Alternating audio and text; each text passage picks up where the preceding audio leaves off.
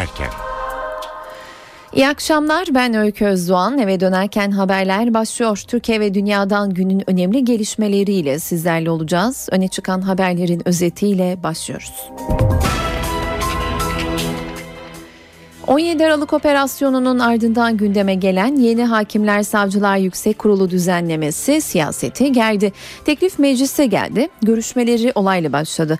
Muhalefet iktidarı kendisine bağımlı bir HSYK oluşturmaya çalışmak ve anayasaya aykırı davranmakla suçluyor.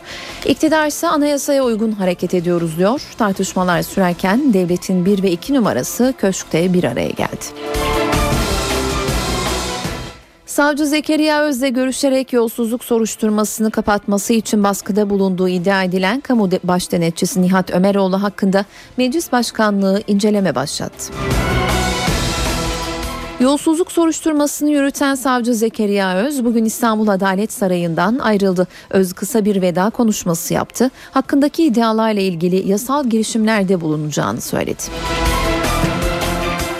Adana'da ihbar üzerine durdurulan iki otobüste arama yapılıyor. Otobüslerde mühimmat olduğu iddia ediliyor. Olayla ilgili 8 kişi gözaltına alındı.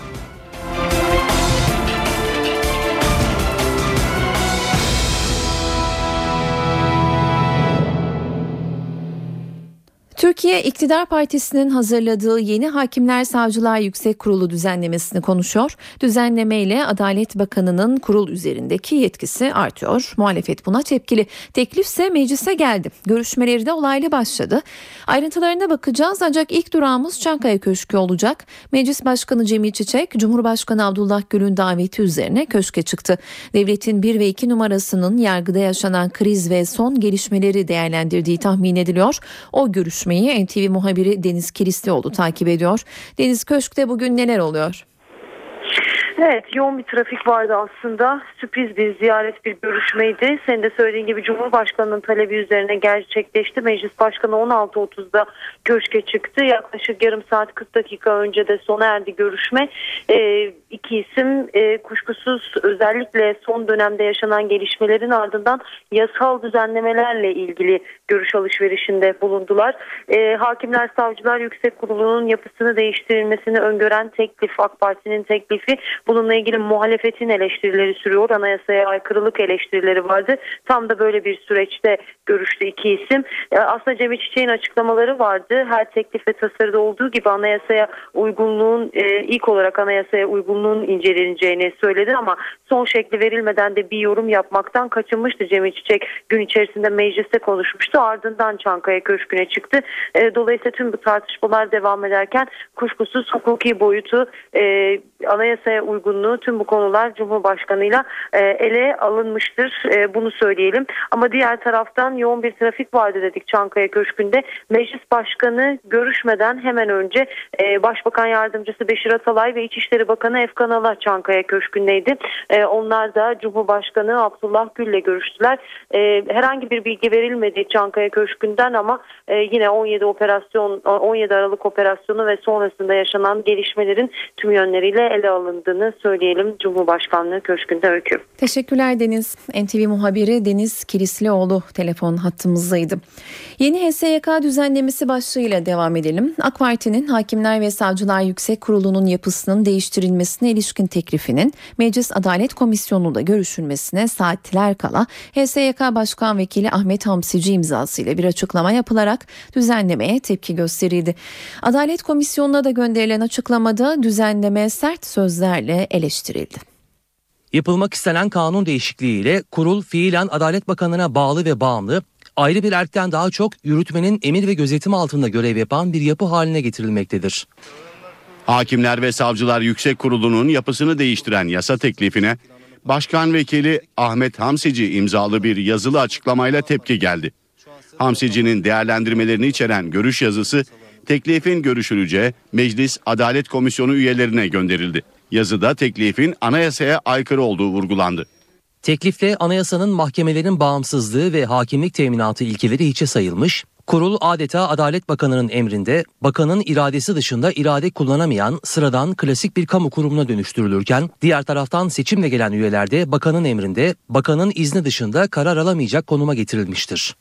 Hamsici yazısında yasa teklifiyle yapılmak istenenin dönüştürme ve siyasallaştırma olduğunu savundu. Bakan tartışmasız şekilde kurulda tek otorite haline getirilmiştir denildi. Doğrudan ve dolaylı olarak kurul üzerinden hakim bağımsızlığına ve tarafsızlığına yönelik getirilecek düzenlemeler, bağımsızlık ve tarafsızlık ilkesiyle çelişecek ve anayasaya aykırılık teşkil edecektir. Hamsici'nin değerlendirme yazısında yargıya ilişkin en önemli yetkilerin Adalet Bakanı'na verilmesinin kuvvetler ayrılığı ilkesine aykırı olduğunu vurguladı. Yeni düzenlemeyle dava ve soruşturmaların yürütmenin müdahalesine açık hale getirildiği savunuldu. Ayrıca HSYK üyeleri hakkında soruşturma ve kovuşturma işlemlerinin kurulun başkanı sıfatıyla Adalet Bakanı tarafından yapılacak olması eleştirildi. Bu durumunda kurul üyelerini yürütme organına bağımlı hale getirdiği ifade edildi. HSYK'nın yapısında köklü değişiklikler öngören teklifin görüşmelerinde gerginlik çıktı. An itibariyle olan biteni maddelere geçirip geçilmediğini NTV muhabiri Miray Aktağ olacağız soracağız. Miray seni dinliyoruz. Görüşmeler yarım saat rötarlı başladı. Nedeni ise komisyon toplantısında yaşanan gerginlik hala daha maddeler görüşülmeye başlanmadı. Çünkü komisyon toplantısının her e, dakikası ayrı bir gerginlik konusu olduğunu söyleyebiliriz. Ee, aslında yaşanan ilk gerginlik e, yer sıkıntısıyla ilgiliydi. Adalet ve Kalkınma Partisi milletvekilleri tüm hukukçular olarak geldiler. AK Parti'nin çok sayıda hukukçu milletvekili yaklaşık 50 kadar milletvekili komisyon salonunda muhalefetten önce geldi geldi ve onlar da boş buldukları yerlere oturunca muhalefete oturacak yer kalmadı. Sonrasında gelen muhalefet milletvekilleri e, oturacak yer bulamadıkları için yerlere ya da masaların üzerine oturdular. Bunun üzerine yaşanan gerginlik ufak çaplı bir arbedeye de dönüştü komisyon toplantı salonunda. Kit komisyonuna alındı daha büyük bir salonda yapmak için. O da yeterli olmadı ve mecliste en uygun salon Plan Bütçe Komisyonu'nun geniş salonuydu. Ancak halen daha orada da toplantıyı ayakta takip edenler olduğuna dikkat çekmekte fayda var. Toplantının tek gerginlik konusu bu değildi. Kuşkusuz yüksek yargı ile ilgili son derece önemli bir düzenleme var. E, muhalefet HSYK, Anayasa Mahkemesi ve yüksek yargı temsilcilerinden, Adalet Akademisi'nden herhangi bir kişinin davet edilmemesine sert tepki gösterdi. Bununla ilgili tartışma yine sık sık gündeme geliyor. E, son bir buçuk saat boyunca e, bu tartışmayı muhalefet sık sık gündeme getirdi. HSYK'dan herhangi bir temsilcinin bulunmaması nedeniyle komisyon toplantısına ara verilmesini istedi muhalefet. İktidar Partisi ise HSYK'nın başkanının zaten Adalet Bakanı olduğunu belirterek Bekir Bozdağ'ın toplantı salonunda bulunmasının yeterli olduğunu söylediler. Ancak muhalefet partileri 2010 yılındaki referandumda Adalet Bakanı'nın zaten protokol icabı olarak komisyona başkanlık ettiğini belirterek böyle bir savunmanın gerekçe olarak gösterilemeyeceğini de söylediler. Ee, bunun yanı sıra Toplantıda başka gerginlikler de yaşandı. Ee, örneğin komisyon başkanı Ahmet İyimaya'nın konuşması dikkat çekiciydi atom bir leblebi yutuyoruz dedi. Bu düzenlemeyle ilgili olarak düzenlemeyle ilgili bu şekilde bir benzetme yaptı. Kendisinin komisyon toplantısını ceketsiz olarak yönetmesi son yaşanan tartışmalardan biriydi. Bununla ilgili olarak bir usul tartışması yaşandı ve sonrasında Ahmet Ay İyimaya ceketini giyerek toplantıya devam etti. Dediğimiz gibi her dakika bir gerginlik konusu e, ve uzun süre daha bu gerginlikler Adalet Komisyonu sürecinde en azından devam edecek gibi görünüyor. Teşekkürler Miray. NTV muhabiri Miray Aktağ Uluç telefon hattımızdaydı. Eve dönerken haberlere devam edelim. Oturumun gerçekleştiği salonda gerginlik hakim. Ancak o salonun dışında tablo farklı değil. Siyasetin en önemli gündem maddesi haline gelen bu teklif üzerine meclis başkanından ve partilerin grup başkan vekillerinden açıklamalar geldi.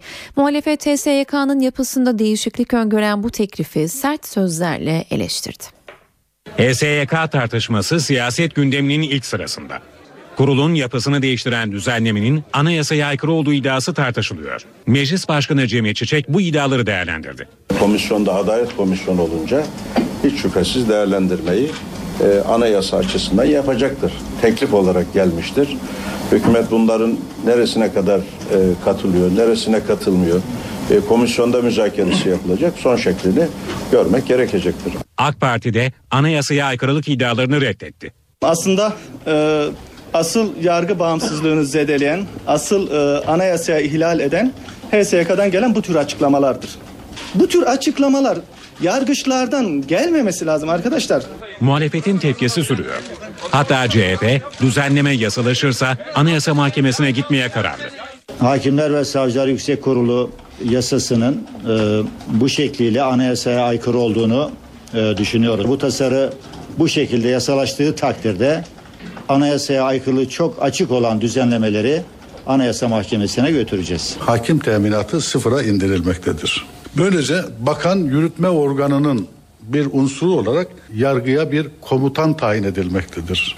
Eğer bu yasa bu haliyle Türkiye Büyük Millet Meclisi'nden geçerse bu yasa ile anayasaya aykırı bir kanun çıkarmış olmakla kalmayacaktır. Ülkeyi demokratikleştirecek, kuvvetler ayrılığını e, gerçek anlamda hayata geçirecek düzenlemelerden çok kendi iktidarını sağlamaya yönelik e, e, bazı e, çabalarla şekillendiğini biz e, kabul edilemez olduğu e, e, gördüğümüzü ifade etmiştik. Savcı Zekeriya Öz'le görüşerek yolsuzluk soruşturmasını kapatması için tehdit ettiği ve başbakana özür mektubu yazması için baskıda bulunduğu iddia edilen kamu baş denetçisi Nihat Ömeroğlu hakkında meclis başkanlığı inceleme başlattı. Meclis Başkanı Cemil Çiçek inceleme talebinin Ömeroğlu'ndan geldiğini açıkladı. Muhalefet ise Ömeroğlu'na tepkili. Kamu baş denetçisiyle ilgili gazetelerde çıkan hususlar var. İşte ilgili savcıyla görüştüğü vesaire filan tarzına karşılıklı e, ifadeler filan var. E, ben bunları okuduktan sonra meclise bağlı görev yaptığı için e, bir inceleme başlattım. Talep kamu baş denetçisi Nihat Ömeroğlu'ndan geldi. Meclis Başkanı Cemil Çiçek de Ömeroğlu hakkında inceleme başlattı. İncelemenin nedeni Nihat Ömeroğlu'nun savcı Zekeriya Öz'ü başbakanın talimatıyla ziyaret ederek yolsuzluk soruşturmasını kapatmasını istediği iddiası. Meclisin yıpranmasını istemem ben. Bu işi inceleyin. Bu iddiaların hiçbirisi doğru değil diyor. Benim yanımda şahitlerim var. İddia edildiği gibi bir görüşme, konuşma ne kendi adıma ne de başkasının adına yapmadım diyor. Ama bundan dolayı bir me- meclisle ilgili de bir sıkıntı olmasın. Bu konuyu inceleyin, araştırın. Ee, diyor. Bu, bu, bu bence medeni de bir e, taleptir, davranıştır. Nihat Ömeroğlu hakkındaki iddialar muhalefetin de gündemindeydi. Meclis Başkanı'nın e, ortaya koyduğu tavrı e, e, olumlu buluyorum. Eğer böyleyse ombudsmanlık makamının görevi başbakanın kirli işlerini temizleyen bir temizlik makinesine dönüşmüş demektir. Yolsuzluk soruşturmasını yürütürken dosyadan el çektirilen ve Bakırköy'e atanan Zekeriya Öz'ün yerine İstanbul Başsavcı Vekilliğine Ali Cengiz Hacı Osmanoğlu atandı.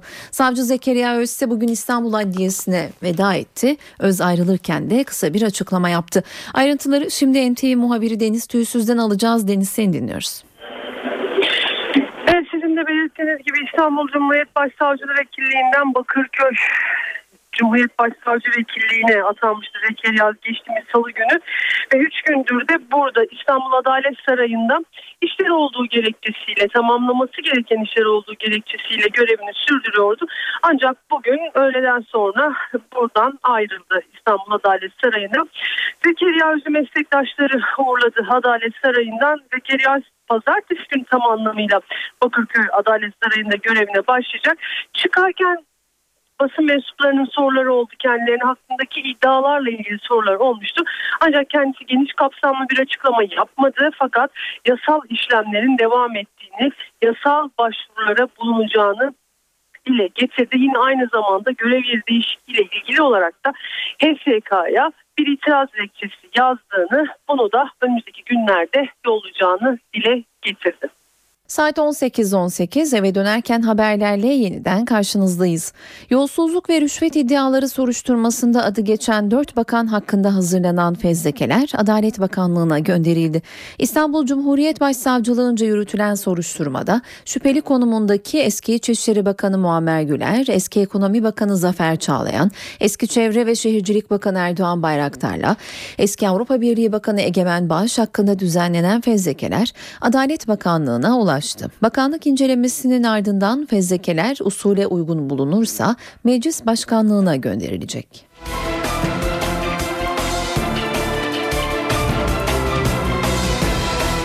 Emniyet Genel Müdürlüğü'nde 17 Aralık sonrasında yaşanan görevden almalar sürüyor. Son olarak bugün de Emniyet Genel Müdürlüğü Özel Harekat Daire Başkanı değişti. Özel Harekat Daire Başkanlığı'na İçişleri Bakanı Efkan Ala'nın onayıyla Teftiş Kurulu Başkanlığı kadrosunda baş müfettiş olarak görevli 1. Sınıf Emniyet Müdürü Turan Aksoy atandı. Efkan Ala yine 1. Sınıf Emniyet Müdürü Ragıp Bülent Taşçı'yı da Antalya Polis Moral Eğitim Merkezi Müdürlüğü'nde görevine geçici görevle vekalet vekaleten atadı. AK Parti Genel Başkan Yardımcısı Mehmet Ali Şahin'in Yargıtay'da cemaatin imamı var iddiası Yargıtay 1. Başkanlığını harekete geçirdi. Yargıtay Şahin'den iddiasıyla ilgili sahip olduğu bilgileri istedi. Şahin önümüzdeki hafta Yargıtay'a bildiklerini yazılı olarak ileteceğini açıkladı. Doğru, doğru bu konudaki e, e, bildiklerimi bir yazıyla ben de Yargıtay Başkanlığımıza önümüzdeki hafta takdim edeceğim. Yargıtay Başkanlığımız gizli bir e, gizli damgalı bir yazıyla bana gönderdi. Ben de yine aynı şekilde gizli damgalı bir yazıyla düşüncelerimi ve bildiklerimi aktaracağım. Çarşamba günü Cumhurbaşkanı Abdullah Gül'le görüşen eski CHP Genel Başkanı Antalya Milletvekili Deniz Baykal Bugün de Halefi ile bir araya geldi. Deniz Baykal'la bir saat süren bir görüşme yapan CHP lideri Kılıçdaroğlu, HSYK düzenlemesinin anayasaya aykırı olduğunu belirterek tepki gösterdi. Kılıçdaroğlu aklı başındaki bütün hukukçular bu düzenlemenin anayasaya aykırı olduğunu söyler dedi. Kılıçdaroğlu Baykal'la görüşmesinin de olumlu geçtiğini dile getirdi. Deniz Baykalsa yaptığı açıklamada Cumhurbaşkanı Gül ve Meclis Başkanı Çiçek'le yaptığı görüşmeler hakkında bilgi verdiğini ve görüş alışverişinde bulunduklarını belirtti. 17 Aralık operasyonu nedeniyle çözüm süreci ciddi riskle karşı karşıya. Açıklama BDP eş başkanı Selahattin Demirtaş'tan. Demirtaş sürecin AK Parti tarafından rafa kaldırıldığı görüşünde. İmralı'ya heyetlerin gitmesi gerekiyordu. Gazeteci heyetlerinin, aydın yazar heyetlerinin gitmesi gerekiyordu ama e, bu konuda belli bir çalışma yürütüldü, bir hazırlık yapıldı ama e, Başbakan e, bundan geri adım attı. E, şu anda e, gündemde değil bu.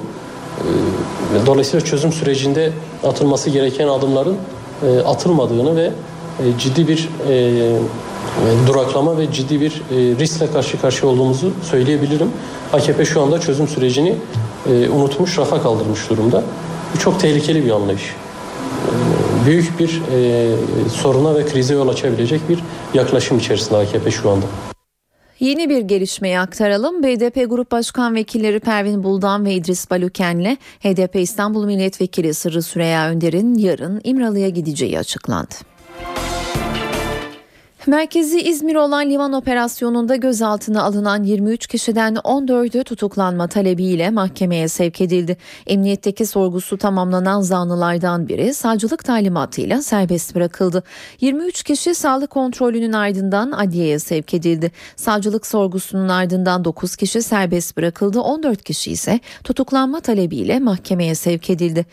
Eski Ulaştırma Bakanı Binali Yıldırım'ın bacanağı da sabah saatlerinde avukatıyla birlikte İzmir Emniyet Müdürlüğü'ne giderek teslim oldu. 9 kişi ise halen aranıyor. Zanlılar ihaleye fesat karıştırmak, nitelikli dolandırıcılık, rüşvet almak, gizli olan ihale bilgilerini başkalarıyla paylaşmakla suçlanıyor. Mersin gümrüğünde de rüşvet iddiaları üzerine operasyon başlatıldı. Aralarında 10 gümrük memurunun da bulunduğu 35 kişi rüşvet ile suçlanıyor. Gümrük ve Ticaret Bakanlığı'ndan operasyonla ilgili yazılı açıklama yapıldı. Bakan Hayati Yazıcı'ya gelen ihbar mektubu üzerine Mersin Cumhuriyet Başsavcılığı'nın başlattığı soruşturmanın 6 aydır sürdüğü belirtildi. Gümrük Müdürlüğü'nde 10 memurun rüşvet aldıkları, gümrükte iş takibi yapan gümrük müşavirliği ve nakliye firması çalışanı 25 kişinin de rüşvet verdikleri iddiasıyla haklarında gözaltı kararı alındı. Soruşturma kapsamında birçok iş yeri ve evde arama yapıldı. Mersin Cumhuriyet Başsavcılığı soruşturma dosyasıyla ilgili gizlilik kararı aldı.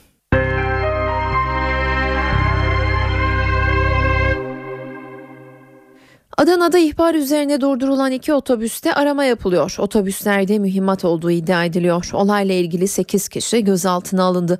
Otobüsler Özel Harekat Şube Müdürlüğü bahçesine çekildi. Uzman ekipler tarafından arama yapılan otobüslerde ne olduğuna dair henüz resmi açıklama yapılmadı.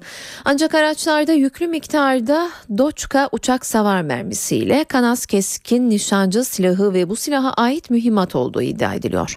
Otobüslerin daha önce Suriye sınırından Adana'daki çadır kente sığınmacı taşıdığı belirlendi. Adana'da 7 Kasım'da da polisin uyuşturucu operasyonunda bir tır, dolusu roket başlığı kapsülü ele geçirmişti. 30 Mart'ta yapılacak yerel seçime yönelik çalışmalar hız kazandı. Seçmen listeleri bugün askıya çıkarıldı.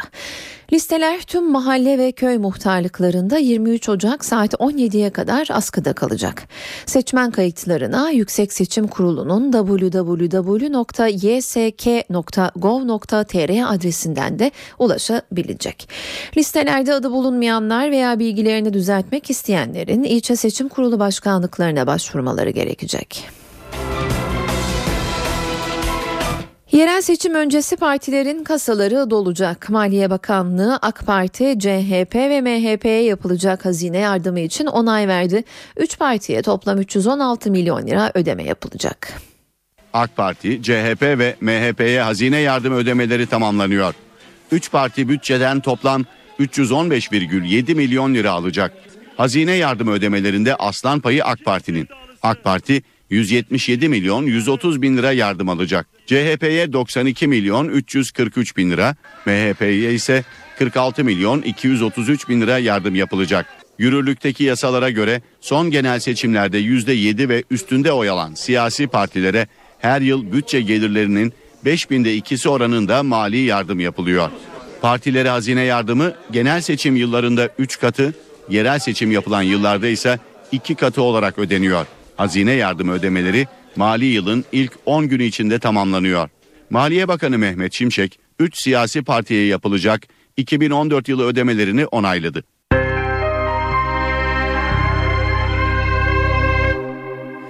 Dünyanın gözü 22 Ocak'ta yapılacak Cenevre 2 toplantısında. Suriye krizinin nereye evrileceği bu toplantının ardından netlik kazanabilir. Öncesinde ise batılı ülkelerin Dışişleri Bakanları bir ön hazırlık toplantısı için Paris'te buluştu. O toplantıya Ahmet Davutoğlu da katıldı. Davutoğlu Paris'e gitmeden konuştu, Esad rejimini eleştirdi. Kritik Cenevre toplantısında Türkiye'nin tutumunun ne olacağını anlattı. Bakan Esad rejimiyle ilgili kullandığı ehven şer ifadesi ise yanlış anlaşıldığını söyledi. Esad'ı ehvenişer gibi göstermeye çalışıyorlar. Yani ben ehvenişer olarak görüyorum demedim. Dışişleri Bakanı Ahmet Davutoğlu radikal unsurlarla Esad rejimi ehveni şer gibi gösterilmeye çalışılıyor sözlerine açıklık getirdi. Sözlerinin ardından yapılan Türkiye Suriye politikasında U dönüşü yapıyor yorumlarına tepki gösterdi. Benim söylediğim şudur çok açık bir şekilde bazı çevreler El-Kaide terör örgütünün yaptığı e, terörü ve şiddeti bahane göstererek yani ölümü gösterip sıkmaya razı etmek gibi. Davutoğlu ifadelerinin bir bütünlük içinde okunması gerektiğinin altını çizdi. Tweet tekniğinde e, karakter sayıları sınırlı olduğu için belli bir karakterde bir haber flash olarak geçtiğinde önü ve arkası alınmadan e, bir sonuç çıkartılıyor doğru değil. Dışişleri Bakanı bu mesajları Paris'e gitmeden verdi. Suudi Arabistan, Katar, Birleşik Arap Emirlikleri, Mısır gibi ülkelerin bakanlarıyla cuma günü bir araya gelecek. 12 Ocak pazar günü de Suriye'nin dostları çekirdek grubu toplantısına katılacak. 22 Ocak'ta yapılması planlanan 2. Cenevre konferansı öncesinde son bir değerlendirme yapılacak. Bu saldırıların durdurulması ve ihtiyaç olan bölgelere insani yardım götürülmesi konusunda 11 ülke olarak birlikte neler yapabileceğimizi konuşacağız. Davutoğlu bir diğer ana başlığında Cenevre konferansına giderken eli kana bulaşmamış unsurlardan oluşacak geçiş hükümetinin hangi prensipler etrafında bir araya gelebileceğini konuşacak. Başbakan Erdoğan'ın uzak doğu turu sürüyor. Erdoğan, Japonya ve Singapur'un ardından Malezya'da. Başbakan Malezyalı mevkidaşıyla yaptığı ortak basın toplantısında biz İslam'la demokrasinin bir arada yaşayabileceğini gösteren iki ülkeyiz dedi. Temasları çerçevesinde Malezya Uluslararası İslam Üniversitesi'nden Fahri Doktora unvanını alan Erdoğan, burada yaptığı konuşmada ise üniversitelerde kaldırılan başörtüsü yasağına değindi. Başbakan Recep Tayyip Erdoğan uzak doğu turunun son durağı olan Malezya'da. Kuala Lumpur'da askeri törenle karşılanan Erdoğan, Malezya Başbakanı Najib Tun Razak'la baş başa ve heyetler arası görüşmeler gerçekleştirdi. Ortak basın toplantısında konuşan Başbakan Erdoğan, İslam ve demokrasinin bir arada yaşayabileceğini gösteren iki ülkeyiz dedi. Ortak dini ve kültürel değerlere sahip iki ülkeyiz. Özellikle İslam ve demokrasinin bir arada yaşayabileceğini gösteren iki ülkeyiz. Başbakan Erdoğan, Kuala Lumpur temasları çerçevesinde Malezya Uluslararası İslam Üniversitesi'nden Fahri Doktora ünvanı da aldı. Erdoğan törende yaptığı konuşmada üniversitelerde başörtüsü yasağının kaldırılmasına değinerek eğitim sistemimizdeki anlamsız yasakları kaldırdık. Başörtüsünün bilimin önünde engel olmadığı görüldü dedi. Hiçbir çıkış kapısının olmadığını zannedersiniz. O ateşten bir çıkışın mümkün olmadığını düşünürsünüz. Daralırsınız. Ruhunuz, kalbiniz adeta bir cenderenin altındaymış gibi hissedersiniz. Ama Allah öyle bir çıkış kapısı açar, bulutları öyle bir aralar, kalbinize öyle bir inşirah, öyle bir rahatlama salar ki eski halinizden çok daha ferah bir hale evrilirsiniz. Kendi halkına zulmeden, kendi halkına baskı, zulüm uygulayan devlet anlayışını elimizin tersiyle itecek, devleti inşanın hizmetkarı haline getirecek, insanı yaşat ki devlet yaşasın diyerek özgürlükleri olabildiğince genişleteceğiz. Malezya'daki Türk öğrenciler de ziyaret sırasında başbakana yoğun ilgi gösterdi.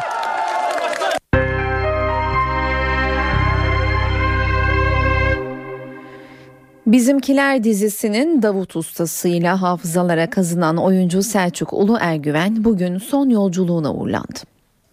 Bırak bugün de hemen bela deme. Ne şey? Namı diğer Davut Usta. Patlatırım seni. Sapık mısın sen?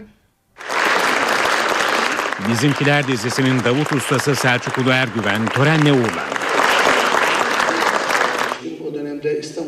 Caddebostan Kültür Merkezi'ndeki törende ailesi ve sevenleri 72 yaşındaki sanatçıyı anlattı. Pırıl pırıl bir yurtsever sanatçıyı kaybettik.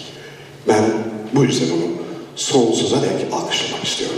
Bu hastalık tabii onu çok yıprattı. İstanbul'a gelmek istedi. İşte Aydın'a yerleşmek yerleşti ama olmadı yani orada olmadı. Bir buçuk senede bir senesi hastanelerde geçti. Bir vali çocuğu olduğu halde hiçbir zaman babasının nüfuzunu kullanmayan çok dürüst bir ağabeyimdi benim. Meslektaşım, dostum, abim, babam. Çok üzgünüm. Başımız sağ olsun. İri cüssesi ve e, filmdeki sert e, karakterine rağmen e, tam tersine çok yumuşak, e, çok sevecen, e, herkese çok saygı gösteren e, müthiş güzel bir insandı. Allahu Ekber. Hayatının 50 yılını tiyatroya adayan usta sanatçı Zincirlikuyu'ya 21 yaşındayken ölen oğlunun mezarının yanına defnedildi. Yeşilçam'ın emektar oyuncusu Süheyl Eğriboz 87 yaşında hayatını kaybetti. Kasım ayında rahatsızlanan ve kısmi felç geçiren Eğriboz'un tedavisi İstanbul Samatya Eğitim ve Araştırma Hastanesi'nde sürüyordu. Durumu ağırlaşan Eğriboz sabaha karşı hayatını kaybetti. Eğriboz sinema ve tiyatroda kötü adam rolleriyle tanınmıştı. Dizilerde de rol alan oyuncu ikindi namazının ardından toprağa verildi. Kurak geçen bir kış İstanbul'da barajlardaki su seviyesini azalttı. Barajlardaki su oranı 3'te 1 oranında azaldı ancak Orman ve Su İşleri Bakanı Veysel Eroğlu korkulacak bir durum yok dedi. Eroğlu İstanbullulara 3 yeni baraj sözü de verdi. İstanbul gerekli yağışları alamayınca barajlardaki su oranı %35'e geriledi. Orman ve Su İşleri Bakanı Veysel Eroğlu ile İstanbul Büyükşehir Belediye Başkanı Kadir Topbaş alınması gereken önlemleri konuşmak için bir araya geldi. Toplantıdan önce basın mensuplarının karşısına çıkan Veysel Eroğlu ve Kadir Topbaş İstanbul'u susuz bırakmayı izledi. Geçen sene e, bu, bu tarihte e, İstanbul barajlarındaki doluluk oranı yüzde 63 civarındaydı. Şimdi bugün e, yüzde 33 civarında. Ama önemi yok. Bir kere biz tedbirlerimizi aldık. Dolayısıyla İstanbul'a sıkıntı yaşatmayacağız. Eroğlu İstanbul'un su ihtiyacının karşılanmasına katkı yapacak 3 baraj inşa edileceğini de söyledi. Melen Barajı'nın inşaatı başladı. Sayın Başkanımızla birlikte temel atacağız. Bunlardan birisi Osman Gazi Barajı, ikincisi de Sungurlu Barajı olmak üzere iki tane daha dev baraj inşa edeceğiz. Kadir Topbaş suyu dikkatli kullanmaları konusunda İstanbulluları uyardı. Ben İstanbullardan bir arzum var. Şunu söylüyoruz. Hızla tükenen bir doğal kaynaklar var dünyada. Dengeli kullanmak gerekmektedir. İstanbullular müsterih olsunlar ama doğal kaynakları dikkatli kullansınlar. Sadece İstanbul'da değil Anadolu'daki barajlarda da su seviyesi azalıyor. İzmit'in su ihtiyacını karşılayan Yuvacık Barajı'nda su seviyesi son yılların en düşük oranına indi. Kentin ihtiyacının karşılanması için Sapanca Gölü'nden su çekiliyor. Aksaray'daki 159 milyon metreküp kapasiteli Mamasın Barajı'ndaki su seviyesi 29 milyon metreküpe geriledi. Saat 18.40 ben Öykü Özdoğan eve dönerken haberlerle yeniden karşınızdayız. Bir son dakika gelişmesiyle başlayalım. Adalet Bakanı Bekir Bozdağ yolsuzluk ve rüşvet soruşturmasında adı geçen 4 bakanla ilgili hazırlanan fezlekelerin bakanlığa ulaştığını söyledi ve Bozdağ fezlekeler inceleniyor dedi. Türkiye grip salgınıyla yüz yüze. Uzmanlar bağışıklık sistemini çökerten gripin daha tehlikeli bir hastalığa, zatürreye dönüşebileceğini söylüyor. Peki zatürrenin belirtileri ne ve buna karşı hangi önlemler alınmalı? Yüksek ateş, geniz akıntısı ve öksürükle başlayan grip zatürreye dönüşebilir. Hastaneye başvuran her iki kişiden biri grip. Virüs özellikle kapalı alanlarda hızla yayılıyor. Ancak doktorların çok önemli bir uyarısı var grip bağışıklık sistemini çökertip zatürreye neden olabiliyor. Öncelikle bir bronşitle başlıyor. Sonrasında e, zatürreye geçebiliyor. E, e, çünkü bağışıklık sistemi ileri derecede e, zayıfladığı için bu hastalarda e, bakterilerin de e, enfeksiyona eşlik etmesiyle birlikte bronşit ve zatürenin görülme e, sıklığı artıyor. Zatürre belirtileri griple aynı. Günlerce geçmeyen öksürük ve ateş şikayeti olanlar mutlaka hastaneye gitmeli bağışıklık sistemi zayıflamış olan hastamızda özellikle çocuklarda ve yaşlılarda e, bu tarz problemler yaşanıyor. Alınacak önlemlere gelince hijyen ve el yıkama çok önemli. En az 3 gün istirahat etmesinde fayda var. Sigara içenler dikkat diyorum. Bu hastalık sizi ciddi anlamda yıpratır. Grip salgınında bazı antiviral ilaçların piyasada olmadığı iddialarını Sağlık Bakanlığı yalanladı. İstanbul Eczacı Odası ise Türkiye'de ilaçların fiyatının düşük olduğu gerekçesiyle firmaların söz konusu ilaçları göndermediğini savundu. Toplam 471 kalem ilacın kesin yok olduğunu şu anda biz ilaç firmaları ve dağıtım kanalları üzerinden aldığımız bilgilerle teyit etmiş bulunuyoruz.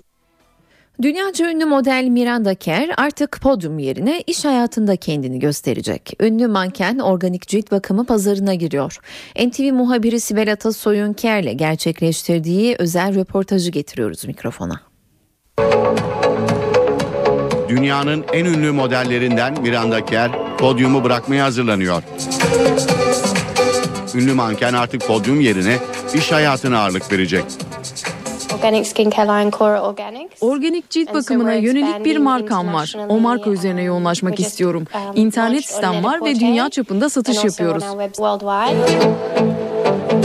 Bir çocuk sahibi ünlü model güzelliğinin sırrını paylaştı. Aslında fiziksel özellikler değil, içten gelen güven güzellik getirir. Kişinin kendi içinden gelen güvenle parladığını düşünüyorum.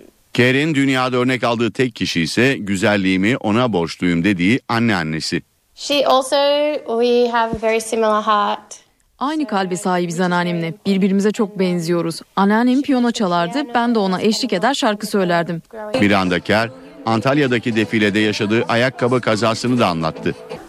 Daha önce de başıma geldi. Bir defa Milano'da ayakkabım uçtu. Victoria's Secret defilesinde de oldu. Bu üçüncüydü. Ünlü manken bir süre önce boşandığı Orlando Bloom'dan Türkiye'de gezilecek yerlerle ilgili tavsiye aldığını söyledi. Orlando Türkiye'ye geldiğinde Boğaz'da tekneyle gezme şansı olmuş. Çok beğenmiş, çok güzel olduğunu, görmem gerektiğini söylemişti. Ve Türk mutfağı. Miranda Kerr'in favorisi baklava, kebap ve Türk kahvesi. Bir internet sitesi dünyadaki farklı şehirler arasındaki yaşam maliyetlerini karşılaştırdı. Araştırmada yaşamın sürdürülebilmesi için 14 binden fazla ürün ve hizmet fiyatı kıyaslandı. Buna göre İstanbul'da yaşam New York'taki yaşama göre yarı yarıya ucuz. Sofya'ya göre ise %28 daha pahalı. İstanbul'daki iş merkezlerinin bulunduğu bir yerde ortalama öğle yemeği 20 lira. Fast food tercih edilirse bu rakam 13 liraya düşüyor. Araştırmaya göre İstanbul'un en gözde semtlerinde ortalama 85 metrekarelik evlerin aylık kiraları 2500 liradan başlıyor. Elektrik, su, doğalgaz faturası için belirlenen ortalama harcama ise 300 lira. Gıda, konut, giyim, ulaştırma, eğlence ve sağlık hizmetlerini aynı standartlarda aldığınızda İstanbul'da yaşamanın maliyeti New York'a göre yarı yarıya ucuz kalıyor. Avrupa'nın gözde şehirlerine bakıldığında da İstanbul daha ucuz kalıyor. Paris'te aynı standartlarda yaşam %84, Londra'da %134, Roma'da da %45 daha pahalı. Atina'da İstanbul'dan %19 daha pahalı görünüyor. İstanbul'dan daha ucuz olan şehirler de var. Örneğin İstanbul'da yaşam Sofya'ya göre %28, Tahran'a göre %30 daha pahalı. Daha uzaklarda yaşamayı düşünenler için de alternatifler mevcut. Bangkok İstanbul'a göre %8 daha ucuzken bu oran Jakarta'da 18'e çıkıyor. Amerika'nın New Jersey eyaletindeki köprü skandalı vali yardımcısını görevinden etti. Muhalif belediye başkanını zor durumda bırakmak için köprünün birkaç şeridinin valilik tarafından kapatıldığı ortaya çıktı. New Jersey eyaletindeki skandal önceki gün basına yansıyan mail ve cep telefonu mesajlarıyla patlak verdi. Eyaletin valisi Chris Christie'nin ekibinin 4 ay önce New Jersey ve New York'u birbirine bağlayan köprünün iki şeridini bilinçli olarak kapattığı ortaya çıktı. Köprünün diğer ucundaki Fort Lee Belediyesi'nin başkanı New Jersey valisinin seçim kampanyasına destek vermemişti. Husumetin bundan kaynaklandığı belirtiliyor. Amerikan basınına yansıyan e-posta ve mesajlarda emri vali yardımcısının verdiği görülüyor. Amerika Birleşik Devletleri'nde hedef adam haline gelen Vali Christie yardımcısını görevden aldı, halktan özür diledi. New Jersey halkından özür diliyorum. Bu skandalı mimarların benim ekibimde olmalarından utanç duyuyorum. Gerçekten bilmiyordum. Köprünün iki şeridi Eylül ayında 4 gün boyunca kapalı kalmış, trafikte sıkışan yardım ekiplerinin ulaşamadığı yaşlı bir kadın hayatını kaybedince halkın tepkisi iyice artmıştı. Los Angeles'ta yapılacak Altın Küre ödülleri için geri sayım başladı. Ödüller Oscar'ların habercisi olarak görüldüğünden kazananlar merakla bekleniyor. Bu yıl yönetmenliğini Steve McQueen'in yaptığı, oyuncu kadrosunda ise Brad Pitt'in olduğu 12 Years a Slave 7 adaylıkla öne çıkıyor. Altın Küre ödül töreni için geri sayım başladı. Los Angeles'taki törende dünyaca ünlü yıldızların boy göstereceği kırmızı halı serildi. Gecenin menüsü de belli oldu. Konukları Kaliforniya'ya özgü tatlar ve Afrika baharatları bekliyor. Okyanus alabalığını ıspanak ve tatlı mısır eşliğinde servis edeceğiz. Ayrıca ağır ateşte pişmiş pirzola da hazırladık. Sinema ve televizyon dünyasının yıldızlarının ödüllendirileceği gecenin sunuculuğunu ikinci kez Amy Poehler ve Tina Fey üstlenecek. Tina ve Amy'nin açılış şovunu izlemek için sabırsızlanıyorum. 6-7 haftadır çalışıyorlar. Aday olan bütün filmleri izlediler. Geniş aday kadrosunda düşününce ellerinde çok malzeme var. Bu yıl yönetmenliğini Steve McQueen'in yaptığı, oyuncu kadrosunda ise Brad Pitt'in olduğu 12 Years a Slave 7 adaylıkla öne çıkıyor. 7 dalda aday gösterilen bir diğer dikkat çekici filmde Yönetmenliğini David O. Russell'ın üstlendiği Amerikan Asıl. Tom Hanks, Sandra Bullock, Kate Blanchett ve Leonardo DiCaprio ise iddialı adaylar arasında. CNBC'de yayınlanan Big Bang Teori'de en iyi komedi dizisi dalında aday. 71. Altın Küre Ödül Töreni pazarı pazartesiye bağlayan gece 02'den itibaren simültane çeviriyle CNBC'de orijinal sesiyle de E2'de yayınlanacak. Fransa Cumhurbaşkanı François Hollande'ın 2006 yılından bu yana beraber yaşadığı sevgilisi Valérie Trierwayler'den ayrılıp Fransız aktris Julie Gaye ile çıkmaya başladığı söyleniyor. Cemiyet dergisi Closer bu sabah piyasaya çıkan sayısında konuya 7 sayfa ayırdı. Hollande iddiayı yalanlamamakla birlikte özel yaşamına saygı gösterilmemesinden yakındı. Sevgilisi Valérie Trierwayler'den ayrılan Fransa Cumhurbaşkanı François Hollande, Fransız aktris Julie Gaye ile birlikte. Bonjour. İddia haftalık magazin dergisi Closer'da yer aldı. Dergi, Cumhurbaşkanı'nın gizli aşkı başlığıyla verdiği 7 sayfalık haberinde 59 yaşındaki Hollande'la 41 yaşındaki aktristin geçen yılın ortalarından beri Paris'te Cumhurbaşkanlığı Sarayı yakınlarında bir apartman dairesinde gizlice buluştuklarını öne sürdü. Dergi yayınladığı fotoğraflarla Hollande'ın sık sık söz konusu apartman dairesine gittiğini ve geceyi burada geçirdiğini öne sürdü. Fransa'da geniş yankı bulan habere Hollande yazılı bir açıklamayla tepki gösterdi.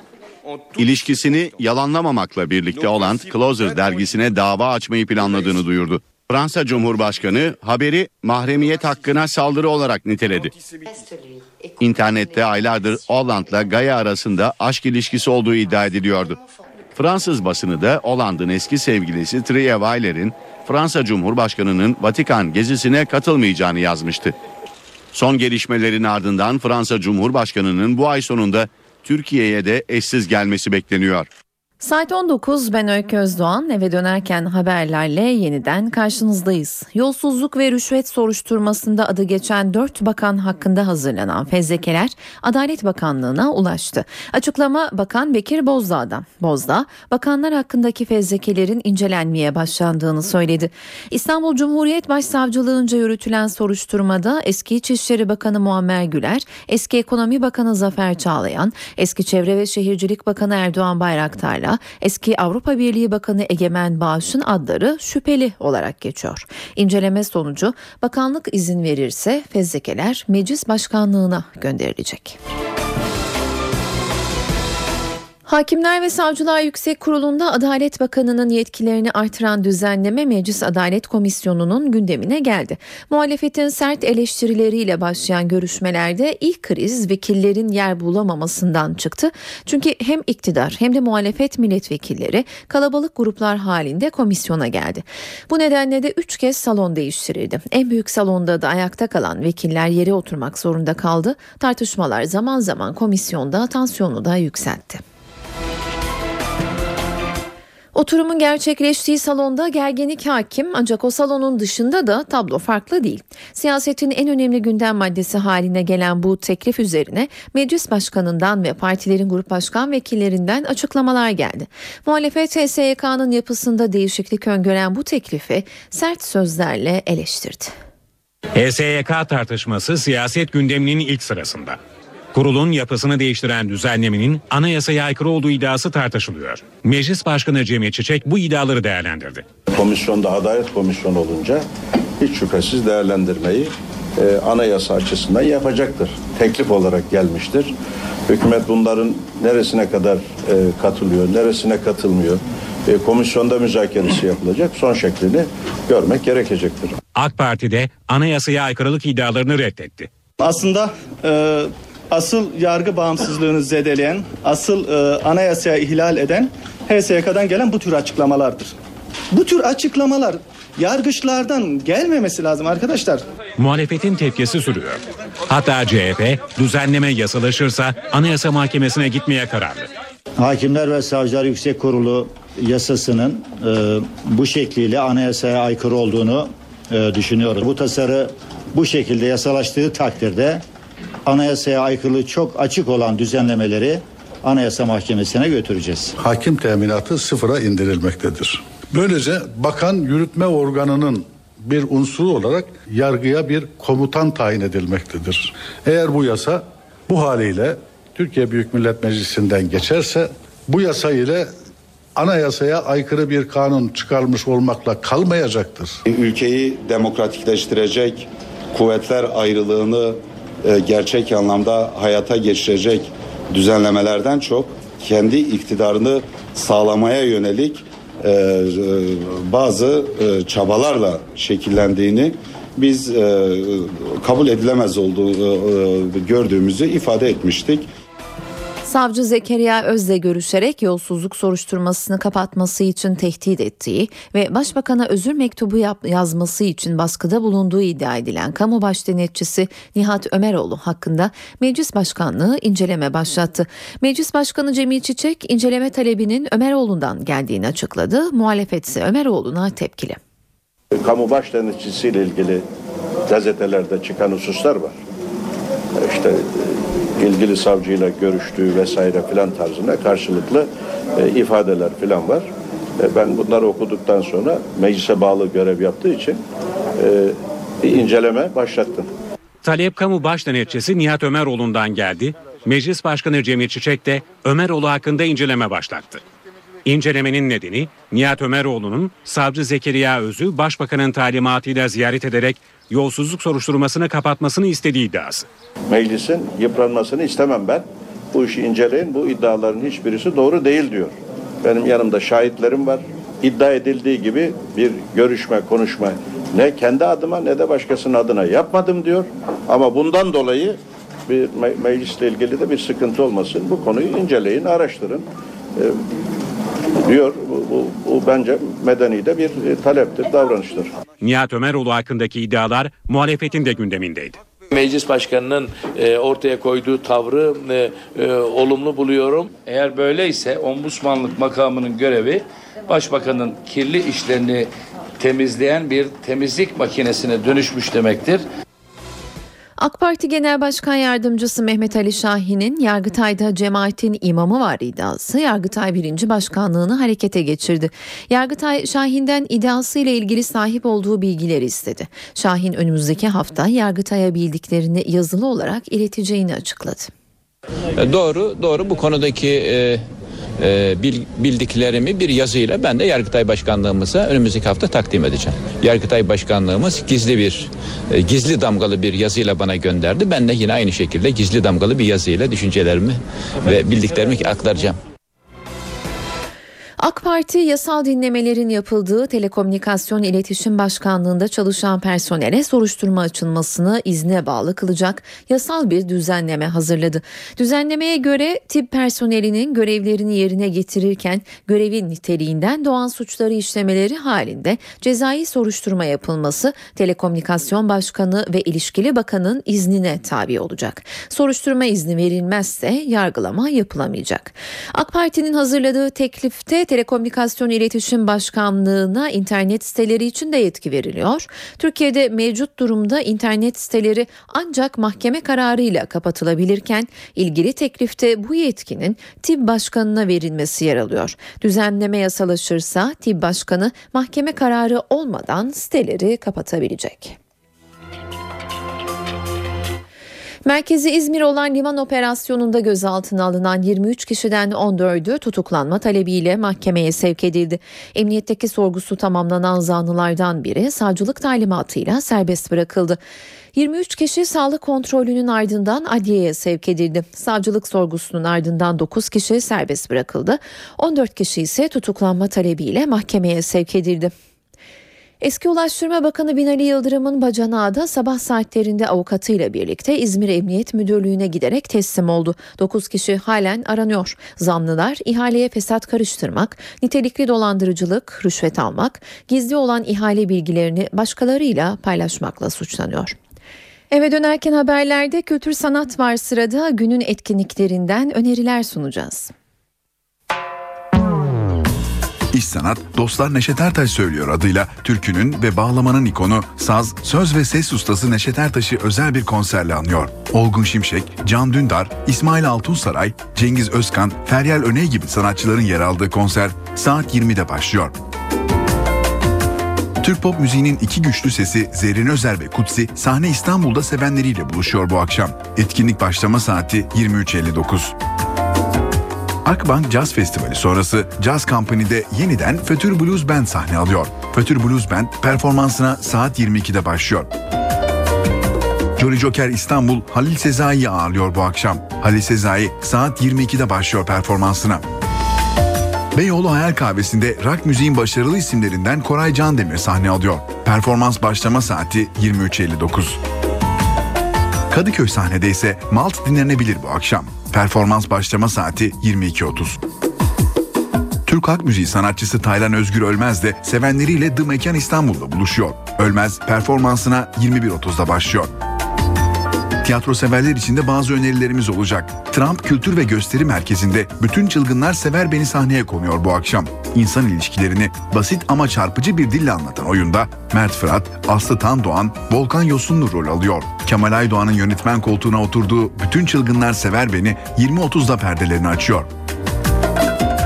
İstanbul Devlet Tiyatroları Zeytinburnu sahnesinde ise Kalpak sahneye konuyor. Ali Atilla Şendil'in yönettiği oyunda Mine Tüfekçioğlu, İpek Büyükakın, Kutay Şahin, Mehlika Balkan gibi isimler rol alıyor. İkinci Dünya Savaşı'nın son günleri Almanya'nın mağlubiyetinin belirginleşmeye başladığı zamanlarda Elspeth evine sığınan Rus askeri kalpağı saklamaktadır. Birlikte geçirilen vakitler savaşın acı yüzüyle birleştiğinde Elspeth ve kalpağın birbirleriyle ilişkileri enteresan bir evrim geçirecektir. Oyun perdelerini saat 20'de açıyor.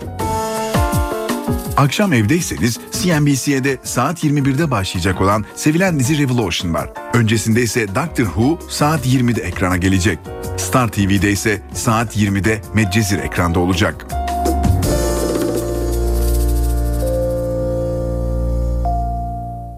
Eve dönerken haberleri spor gündeminden gelişmelerle tamamlıyoruz. Ben Öykü Özdoğan. Pazartesi aynı saatte karşınızda olacağız. Şimdilik hoşçakalın.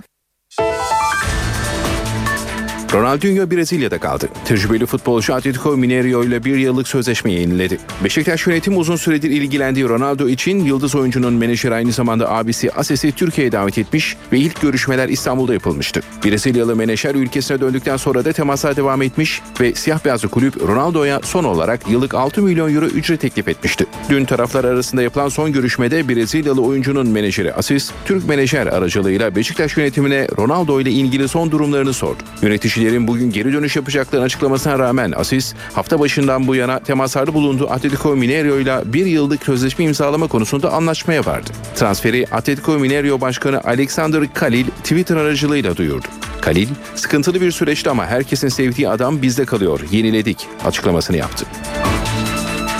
Ronaldo'nun Atletico Mineiro ile bir yıllık yeni sözleşme imzalamasının yankıları sürüyor. Beşiktaş yönetimi Ronaldo transferi için menajer Asis'i suçluyor. Beşiktaş'la beraber Antalya'da bulunan yönetim kurulu üyesi Ahmet Kavalcı, Asis'in kendileriyle planlanan görüşme öncesinde Atletico Mineiro ile sözleşme imzalamasının şaşırtıcı olmadığını söyledi. Ronaldo transferi için Brezilyalı oyuncunun menajeri Asis'le uzun süredir görüştüklerini hatırlatan Kavalcı, ilk temasa geçtiğimiz günden bu yana Asis'e çok fazla güvenmiyordum. Asis'in bizi beklemeden sözleşme imzalaması benim düşüncelerimi haklı çıkardı. Artık diğer transfer çalışmalarına yoğunlaşacağız dedi.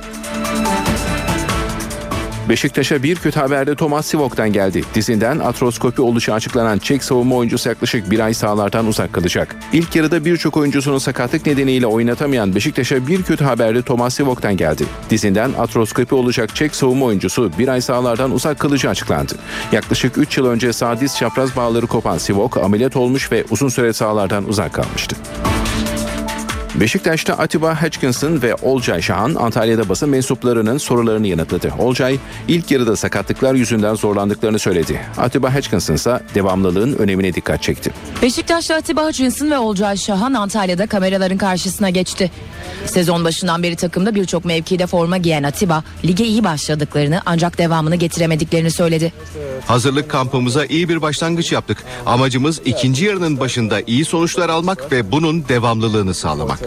Orta sahanın ortasında oynamayı tercih ediyorum ama takım bana nerede ihtiyaç duyarsa orada görev yaparım.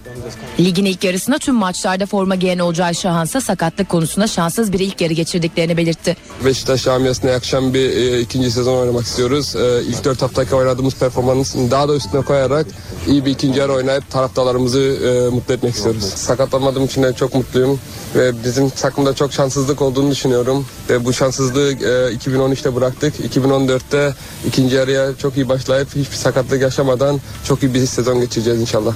Olcay Ronaldinho hakkında da açıklamalarda bulundu. Ronaldinho büyük bir futbolcu e, ve burada olsaydı iyi olurdu. Ama onlarla biz ilgilenmiyoruz. Biz futbolcular buraya kampa geldik. İkinci sezon ikinci yarısına çok iyi hazırlamak istiyoruz. Ve e, transfer içinde bizim e, yöneticilerimiz, büyüklerimiz e, karar verir. Onlar da en doğru karar vereceklerine inanıyorum. Ve e, şu anki durumumuz sezonun ikinci yarına çok iyi girmek. Galatasaray Alex Telles transferini askıya aldı. Başkan Ünal Aysal, teknik direktör Roberto Mancini ile bir araya gelerek Brezilyalı oyuncu konusunda Gremio ile yaşanan anlaşmazlıkları anlattı. Galatasaray'da Alex Telles transferi sıkıntıya girdi. Başkan Ünal Aysal gece geç saatlerde Antalya'ya giderek Sarı Kırmızılıların kampını ziyaret etti. Roberto Mancini ile toplantı yapan Aysal Telles konusunda yaşanan sorunları İtalyan teknik adamla paylaştı. Mancini'nin uzun süredir takımda görmek istediği 21 yaşındaki sol bek için ödeme planı konusunda sorunlar olduğunu ifade eden Başkan Aysal, Teles transferinden vazgeçebileceklerini söyledi. Gelişmeler karşısında canı sıkılan tecrübeli çalıştırıcı henüz önlerinde zaman olduğunu belirterek yönetime transfer konusunda güvendiğini söyledi. Başkan Ünal Aysal da Mancini'ye transfer dönemi süresince en iyi takviyeleri yapacaklarını anlatarak ikinci yarı daha güçlü bir takım oluşturma sözü verdi. Galatasaray Alex Telles için Gremio ile 6 milyon euro karşılığında anlaşma sağlamış. Oyuncuya da 1,5 milyon euro ödemeyi kabul etmişti. Ancak transfer için gerekli teminat mektubu Brezilya kulübüne ulaşmamış ve ödeme planındaki peşinat zamanlaması konusunda takımlar arasında anlaşmazlık yaşanmıştı. Galatasaray Başkanı Ünal Aysal takımın Antalya kampına katıldı. Sabah antrenmanı sonrası basın mensuplarının sorularını yanıtlayan Aysal transfer çalışmalar hakkında bilgi verdi. Galatasaray'ın Antalya kampını ziyaret eden Başkan Ünal Aysal basın mensuplarının sorularını yanıtladı. Başkan Aysal transfer hakkında konuştu. Transfer sezonu yeni açıldı. Tahmin ediyorum önümüzdeki bir hafta içinde bu görüşünüz değişecek. Bu eksiklerimizi tamamlayacağız. Merak, merak etmeyin. Ünal Aysal, Alex Teles'in transferindeki sorunu açıkladı. Şu anda ortada ama pozitif yürümüyor. Çünkü orada teknik bazı sorunlar var. Yani rakamsal bir de sorunumuz yok. Şartlarda, genel şartlarda, ticari şartlarda mutabakatımızda bir sorun yok. Ama teknik olarak ciddi sıkıntılarımız var diyebilirim. Alternatiflerimiz var evet. 2-3 tane alternatifimiz var. Başkan Aysal ikinci yarı değerlendirmesinde de bulundu. Hem teknik kadrolarımız hem oyuncularımız tatillerini böyle tam bir enerji depolayarak geçirmişler. Tahmin ediyorum çok güzel bir iki, sezonun ikinci yarısını çok iyi geçireceğiz ve e, başarılı olacağımızı da umuyorum her zaman olduğu gibi. E, üç kulvarda koşan bir Galatasaray var. Üçünde de başarılı olmak istiyoruz. Ama bu biraz da tabii rakiplerimizin hepsi son derece önemli. Ciddi büyük rakipler. Onlarla başa çıkabilecek, onlarla yarışabilecek imkanlara sahibiz. Bizim görevimiz teknik kadrolarımıza bu imkanları sağlamak. Onlar da e, gerekeni yapacaklardır tahmin ediyorum. İlk transferini İzzet Hayrovic'i alarak yapan Galatasaray transferde hız kesmiyor. Sarı Kırmızılılar Umut Gündoğan için Bursa Spor'la anlaşmaya vardı. NTV Spor'a konuşan genç oyuncu Süper Lig'de mücadele edeceği için çok heyecanlı olduğunu söyledi. Galatasaray ara transfer dönemini hareketli geçiriyor. Sarı Kırmızılılar Umut Gündoğan için Buca Spor'la el sıkıştı. Galatasaray 23 yaşındaki oyuncu için Anıl Dilaver ve Serdar Eğili'yi bonservisleriyle Buca Spor'a verecek. Ege temsilcisi Anıl'la anlaşırken Serdar'la görüşmeler sürüyor. Sarı Kırmızılı ekip bu transfer için Buca Spor'a 550 bin euro ödeyecek ve iki kulüp sezon sonunda Hasılat İzmir temsilcisinde kalmak üzere hazırlık maçı oynayacak. Bu sezon Buca Spor'da 18 maçta 5 gol atan Umut Gündoğan büyük bir takımda forma giyeceği için çok heyecanlı olduğunu söyledi. İnanıyorum. Buca Spor kampında NTV Spor'a konuşan Belçika doğumlu oyuncu kendisine Selçuk İnan örnek aldığını ancak forma rekabetinden çekinmediğini ifade etti. Şu an kendini kanıtlamış bir futbolcu. Trabzonspor'dan Galatasaray'da kendini yeterince kanıtladı. Ben oraya geldikten sonra Selçuk abi tabii ki e, saygımız büyük. Ama e, ben de elimden geleni yapmak is- isteyeceğim tabii ki eğer oralara, oralara varırsam. Ki milli takımda da yer al- alabilmek için. Öncelikle Süper Lig'de kendisini göstermek istediğini ifade eden Umut Gündoğan, A milli takıma kadar yükselmek istediğini de sözlerine ekledi. Fenerbahçeli Alper Potuk şampiyonluk yarışında kendilerine rakip görmediklerini söyledi. İkinci yarıda performansının çok daha üstüne çıkacağının sözünü veren genç oyuncu ilk sezonunda şampiyonluk yaşamak istediğini dile getirdi. Antalya'da ikinci yarı hazırlıklarını sürdüren Fenerbahçe'de antrenman sonrası Alper Potuk basın mensuplarının sorularını yanıtladı. Sezonun ilk yarısının kendileri açısından çok iyi geçtiğini ifade eden Alper Potuk, ikinci yarıda puan farkı olmamış gibi yeniden rakipleriyle puan farkını açmak istediklerini söyledi. En yakın rakipleriyle 8 puan farkın olduğunu hatırlatan Alper şampiyonluk için iddialı konuştu. Şampiyonluk yarışında kendimizi rakip olarak görüyorum. Ben aynı ciddiyetle ikinci araya başlarsak, e, maç maç düşünüp maç maç kazanmaya devam edersek biz kendimizden başka bir rakip olarak düşünmüyorum. Alper Teknik Direktör Ersun Yanal'ın ikinci yarıda beklentileri hakkında bilgi verdi. Buraya gelmeden önce Spor'da bir buçuk yıl Ersun Hoca ile çalışmıştık. E, gerçekten iyi, iyi tanıyorum. Ne istediğini de biliyorum hocamızın. E, her zaman topun bizde olmasını, daha çok pas yapmamızı, rakipleri daha çok boğmamızı, maçları hep farklı kazanmamızı istiyor. Öyle bir yapısı var. Genç oyuncu ilk yarıdaki performansı ve kampı değerlendirdi. Kendim performansım ah, ilk seneye göre biraz iyi gibi gözükebilir ama ben kendimi biraz daha iyi olmamı bekliyorum ikinci yarıda. Bunu daha çok kendimi geliştirip ikinci yarıda daha iyi olacağım. İlk günden itibaren gayet yoğun bir şekilde çalışıyoruz. Zaten hocamızın yapısı bu, bu yönde. Yoğun çalıştırmak. Bunu da zaten ilk yarıda e, son dakikalarda olsun hep gösterdik. Belki bazıları şans diyebilir ama biz hep bu çalışmanın sonucunda o son dakikalarda gol attık. Maçı hiç bırakmadık. Hep maçın 60'ından 70'inden sonra daha çok e, üstüne gittik rakiplerin ve ilk yarıda 4-5 maçı da böyle kazandık. Trabzonspor Turkish Airlines Antalya Cup 2014'teki ilk maçında Celtic'e mağlup oldu. Bordo Mavili takım İskoç Ligi liderine 3-1 yenildi. Antalya'da oynanan maçta İskoç ekibi 31. dakikada Temu Pukki ile öne geçti. 37. dakikada Sol Bamba'nın kendi kalesine attığı golle Celtic durumu 2-0 yaptı. 41. dakikada Emre Güral'ın kaydettiği golle Trabzonspor ilk yarı 2-1 yenik tamamladı. Amido Balde'nin 53. dakikadaki golüne karşılık veremeyen Trabzonspor sahadan 3-1 yenik ayrıldı. Teknik direktör Mustafa Reçit Akçay oyuncularını görmek için maçın ikinci yarısında 6 değişiklik yaptı. Bordo Mavili takım Galatasaray Ajax karşılaşmasının mağlubuyla üçüncülük maçına çıkacak. Galatasaray ile Hollanda temsilcisi Ajax arasındaki mücadele ise bugün saat 20.30'a başlayacak. Celtic maçının ardından açıklamalarda bulunan Trabzonspor Teknik Direktörü Mustafa Reşit Akçay kendileri adına eleştirileri doğru yapma imkanı tanıyan bir karşılaşma oynadıklarını söyledi. Akçay ikinci yarı için planladıkları bazı anlayış değişikliklerini kampta başlatacaklarını da vurguladı. Sonuçta hazırlık döneminin ilk müsabakası ve maçın büyük bir bölümünde taktik açıdan bazı uygulamaları yapmaya çalıştık. Ancak skor açısından çok başarılı olmayan bir müsabakaydı. Biz bütün oyuncularımızı görmek ve onların performanslarını ileride neler nasıl faydalanabiliriz, neler olabilir anlayışıyla çıktığımız bir hazırlık maçıydı. Rakibin güçlü bir rakip olması bizim kendimize dönük yapacağımız eleştirileri de doğru ve gerçekçi bir şekilde yapmamıza neden olan bir durumdu. Bunu iyi değerlendireceğiz. Rakibimizin e, bize çıkardığı zorluklar hangi bölgelerde neler yapabiliriz üzerinde duracağız. İlk yarı için e, e, bazı uygulamaları belli oranda yaptığımızı, bazı anlayış değişikliklerine gideceğimizi daha önce söylemiştim. Onları hayata geçirmeye çalışacağız. Euroleague Top 16 turunda Galatasaray Live Hospital ve Anadolu Efes ikinci hafta mücadelelerine bugün çıkacak. Galatasaray Live Hospital F grubundaki ikinci maçında deplasmanda sezonun namağlup takımlarından Real Madrid'le karşılaşacak. Saat 21.45'e başlayacak mücadele NTV Spor Smart'tan yayınlanacak. Top 16 turunda Sarı Kırmızılı takım ilk hafta maçında İsrail ekibi Maccabi Elektra'ya İstanbul'da 90-84 yenilmişti. Real Madrid ise Sırbistan deplasmanında Partizan'ı 80-64 mağlup etti.